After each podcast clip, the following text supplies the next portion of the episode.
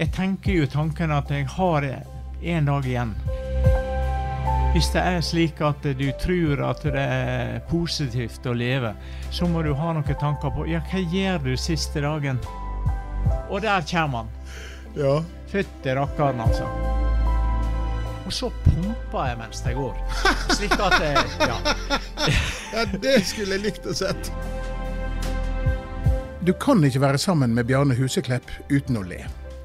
For er det ett menneske på denne jord som alltid jakter på gleder og smilet og latter og lidenskap, og gleder seg over hvert sekund i livet, så er det Bjarne Huseklepp. Og nå skal han dø. Men han gleder seg over hver eneste dag han får. Og det er i grunnen det denne podkasten handler om. I forrige episode fikk vi være med Bjarne på det han hadde håpet i et halvt år at han skulle oppleve. Åpninga av laksefiske. Alt ble slik Bjarne hadde drømt om, men det skulle koste dyrt. Neste dag våkna han med store smerter, og måtte inn på sykehuset for å justere dosen smertelindrende medisin. Den dagen var det flere som trodde han skulle dø, men han kom seg på beina igjen. Så kom et par brukbare dager, så drog han ut for å fiske med ei venninne, og dagen etterpå fikk jeg beskjed om at han var innlagt på sykehuset igjen, denne gangen dårligere enn noen gang før. Men Bjarne er Bjarne. Neste dag ringte han og inviterte meg hjem til seg i Guddalen. I går eh, var jeg altså det dårligste jeg har vært etter, etter behandlinga. Da var det akkurat på samme måten. Jeg var pinnstiv i kroppen. Eh, I skulderledda så var det så vondt at jeg rett og slett eh, gikk med armene hengende ned. Jeg kunne ikke, kunne ikke bevege dem. Og dette der, eh, det, det, hadde jeg altså hele dagen. Så la jeg meg i tolvtida i går med utrolig god dyne og sengetøy, sånn at jeg hadde det utrolig varmt. Og så i dag så står jeg altså opp. Uten å skjønne noen verdens ting. altså. Jeg kjente ikke meg sjøl igjen. Så nå var språket der, mener jeg sjøl. ja, det høres, det høres noe bra ut. og så, og så hadde, var føttene i orden, og det var ingen som trengte å leie meg opp trappene eller ned trappene. Eller helt, helt, helt fint. Helt uh, utrolig bra. Så nå er det jo spennende eh, hva som skjer i morgen. Men jeg har bestemt meg for én ting, og det er at jeg skal ikke belaste kroppen med å stå og fiske. Jeg, det skal jeg altså vente med. For, jeg, for jeg hadde jo da, på grunn av dette som jeg hadde i går, dagen før så hadde jeg jo vært nede og fiska og kasta ganske mye, fordi at jeg eh, hadde jo håpa at jeg skulle ta en til. Ja. Men, eh, men det, det skjedde ikke. Sånn at uh, det å, å, drive og kaste lenge, det går ut utover armene. Tror jeg. Altså, jeg, jeg veit jo ikke om det er kastinga som gjør det, men jeg, jeg har det etter. Ja, det var, jo, det var jo sånn etter første fiskedagen. Stemmer. stemmer. Ja, ja. Men nå skal vi snakke om noe helt annet. Og ja. det er dette med Vi kan jo ta for oss disse, eh, denne kultiveringa først. Du har altså fiska Var det 153? 153 1000 ørret i ditt liv. Stemmer. Hvordan veit vet du det? Det vet jeg fordi at jeg, eh, jeg drev jo med utfisking og er nede i Bogåvatnet her. Og det ble ført helt nøyaktige notater. Ja. Og, og, dette der eh, hadde jeg i forbindelse med at jeg tok eh, biologi på lærerskolen i Bergen. Og jeg har altså skrevet eh, ei oppgave. Jeg vet at den er oppe i eh, Gamlestaua eh, fiskestell i praksis. Ja. Skrevet, og den er, den er, altså så tjukk. En centimeter. Ja, ja. ja. Og alt er dokumentert. Og dette, dette, her med, Bare for, for, å si det sånn Hvis du skal sette ut et garn, eh, så, eh, så, gjør du det på en plass der du tror at du skal få dem. Ja. Og så eh, noterer du ned hvor mye du har fått. Hvis du setter garnet ut igjen på neste, eh, neste døgn på samme plassen, så får du mindre. Ja. Fordi at eh, det ser ut for at ørnen er ganske sånn eh, stasjonær. Ja. Og, og, derfor så må du vite det.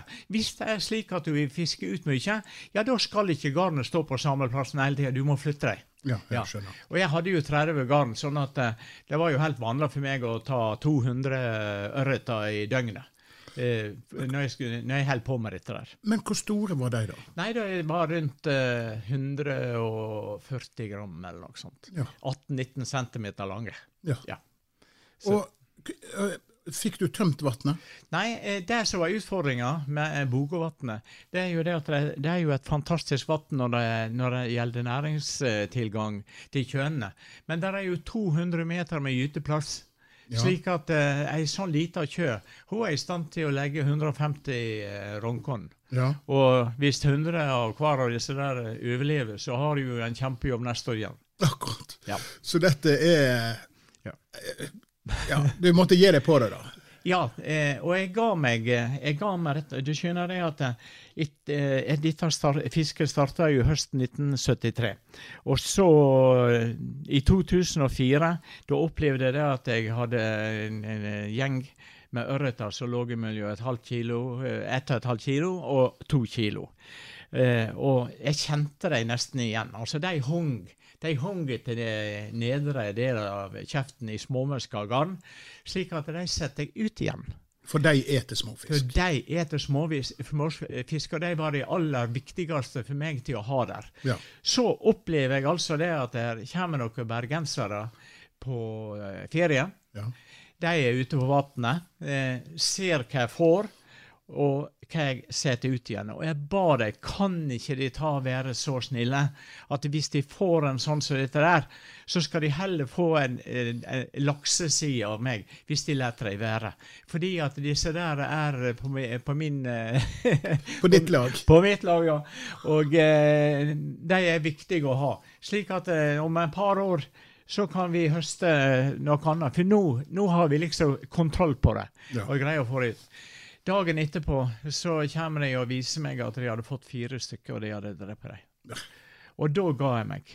Ja. Jeg eh, Altså, da, eh, da, var jeg ferdig eh, med dette. Fordi at når du på en måte tar de aller viktigste elementene vekk, som skal kunne gjøre Bogovatnet skikkelig, så da er du helt ute å kjøre. Ja. Og helt ødela kutta ut Altså, jeg skjønner egentlig, når jeg tenker på det i dag, så skjønner jeg egentlig ikke at jeg, eh, at jeg slutta, men, eh, men det var en god grunn. Det var en god grunn. Ja, det var det. Så det var jo skikkelig, skikkelig synd i det.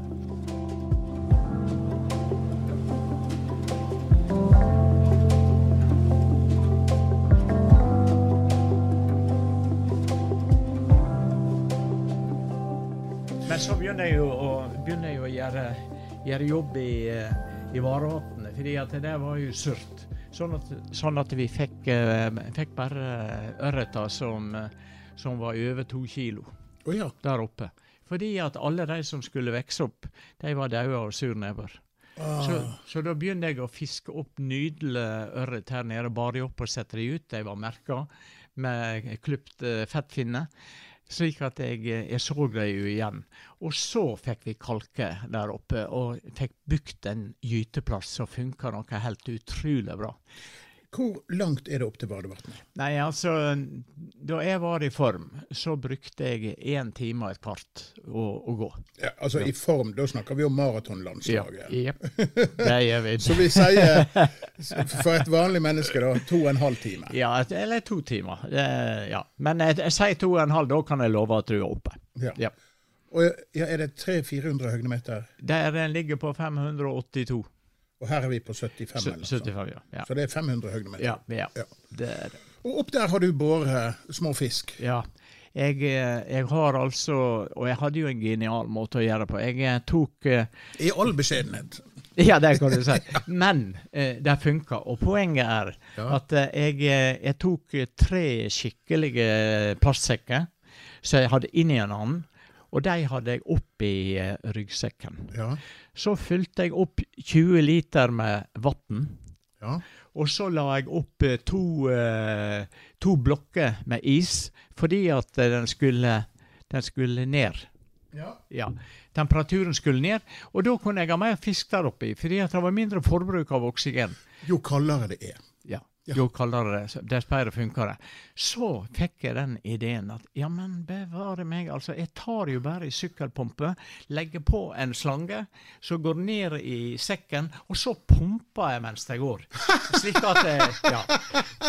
Ja, det skulle jeg likt å sett. Ja, ja det, det, er helt, eh, det er helt ubeskrivelig, altså. Og det meste jeg har båret 72 ørreter på, eh, på rundt eh, 100, 100 100. Ja, rundt, eh, rundt der. Så jeg fisker med flue nede i Vaulen.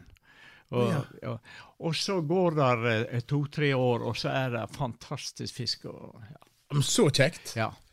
Og det er det fremdeles. Det er det fremdeles. Så, men eh, det har vært jo voldsomt spennende nå i, i juli i år, for da skal vi ha, det- ha den samlinga der vi skal opp. og Da skal vi fiske, da skal vi sette garn og alt, sånn at vi er helt sikre på at, eh, at vi veit hva situasjonen er.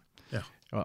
Og hvis vi da ser at eh, nede fisken begynner å være litt mindre, ja, da skal jeg, altså folk få låne båten min og Ja. sette ut garn. Fordi at vi, vi må fiske. Ja, De hadde jo et, eh, et eksperiment gående oppe i Haukedalsvatnet, der de kjøpte inn en masse garn, og så lot de unggutter få fiske. Og jeg lurer på om de fikk ei krone stykket for den fisken Ja, det, er de jo, fikk. det er jo glimrende hvis de får det. det Og, og der fikk de vekk småfisken, ja, ja, ja. fikk vekk overbefolkninga, og nå er det fin fisk. Ja, ja, ja. Dette der er utrolig spennende når du har kunnskap om å gjøre det rette. Ja, ja. Du, eh, du begynte livet, yrkeslivet som eh, Eller jeg vet ikke om det var, begynte da, men du, du var i hvert fall, Når var det du begynte som lærer i Hyllestad? Dere Det var, der. det var jo 82. Men, eh, men høsten 73, da hadde jeg eh, jobb eh, på skolen i Guddalen. Og ja. året etterpå så eh, var jeg eh, lærer i Brekke i Sogn. Ja. Og eh, så var jeg i militæret i 75-76.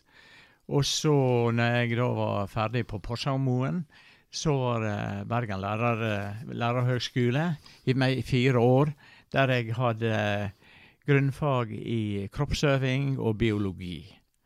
Da må jeg spørre, en villmarkens sønn som deg, hvordan var det å bo i Bergen? Ja, det skal jeg si at eh, Bergen eh, var jo en helt glimrende plass, fordi at jeg, jeg drev jo og sprang. Ja, det gjorde du. Ja, så det passet helt ypperlig. Jeg, eh, jeg kunne jo egentlig ikke få det bedre. Var du med i Gular? Jeg var med i Gular, og så har jeg vært et år i Viking. Og så den siste tida når jeg sprang, så sprang jeg for et lag i Arna som heter Fri. Ja. utrolig, utrolig flott eh, plass å være og springe. Og, Ja. ja. Uh, så, men i 1982 da flytta dere til Hyllestad, Ja. Det, jeg flytta høsten eh, 82. og der var Ja. du lærer. Der var jeg lærer i seks år. Men en 100% jobb har jo aldri vært nok for Bjarne Huseklepp. Hva gjorde du i tillegg? I til, altså, noe av det første jeg gjorde når jeg kom til Hyllestad, det var jo at jeg starta Bjarne Huseklepp Sport og Fritid. Og det var snakk om å selge skikkelige sko til folk, sånn at eh, de kunne trene ganske mye uten å bli skada. Slik at uh, først hadde ene soverommet i, i leiligheten eh, der det var fullt av sko i, i alle størrelser og alt. Og så eh, ble jo Leirvik senter starta. Ja, Eh, da legde jeg et eh, lokale på ja, 50 kvadrat. Eh, så var det en klesbutikk eh, ved sida av. Og så eh, greide vi å få gjøre det slik at, eh, at de som eh, drev klesbutikken, de ekspederte. Og I- min. også din butikk, Ja. ja. Så, for ellers ville ikke det ha gått. For jeg kunne ikke ha to jobber. Altså, jeg hadde jo to jobber, men eh, grunn av at eh, når jeg da var ferdig på skolen, så sprang jeg jo om Åfjorddalen ut til, til, ver- eh, til det skipsverftet ute på, Ja. ut på Havjard, og så hjem, ete, og så inn på butikken og ha alle ting i orden. Så eh, ja, ja. Brukte dagen til noe som jeg likte. jo, rett og slett. Men det, det var Nike-sko. Du var en av de Ja. første som solgte Nike-sko. Ja, og grunnen, og grunnen til at jeg eh, var der, det var jo at jeg eh, kjente jo eh, Johan Kaggestad. Ja. Han eh, var jo en av eh, importørene av det.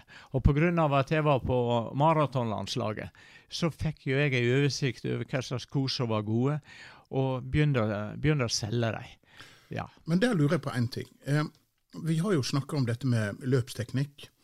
Og din eh, fremragende teknikk, får vi si, eh, som handler veldig mye om å lande på tåballen. ja. Men Nike-sko inviterer jo veldig til å lande på hælen.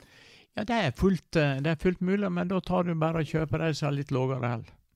Og de finnes òg, altså. Ja, ja. Ja, ja, ja. Ja, ja, ja du er en seiler.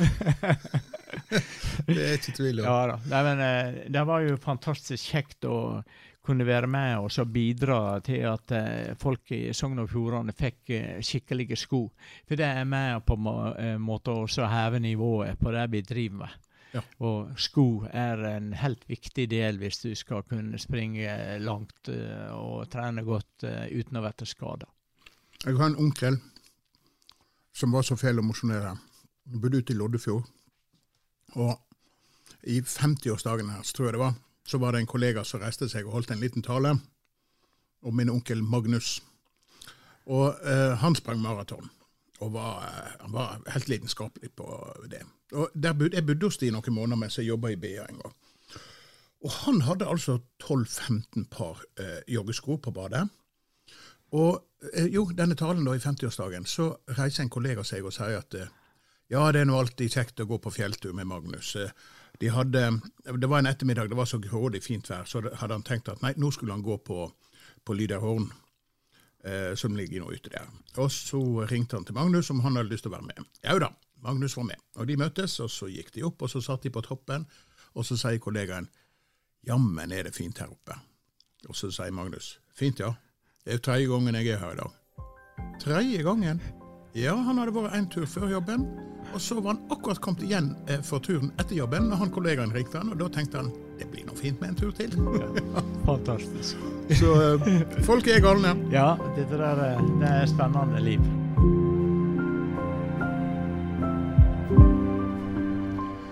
Du har hørt femte episode av podkasten 'Bjarne så lenge jeg kan snakke'. En podkast laga av Firda Media. Mitt navn er Ole Johannes Øvertveit, og denne podkasten vil vi fortsette å lage så lenge vi kan. Flere episoder finner du på firda.no.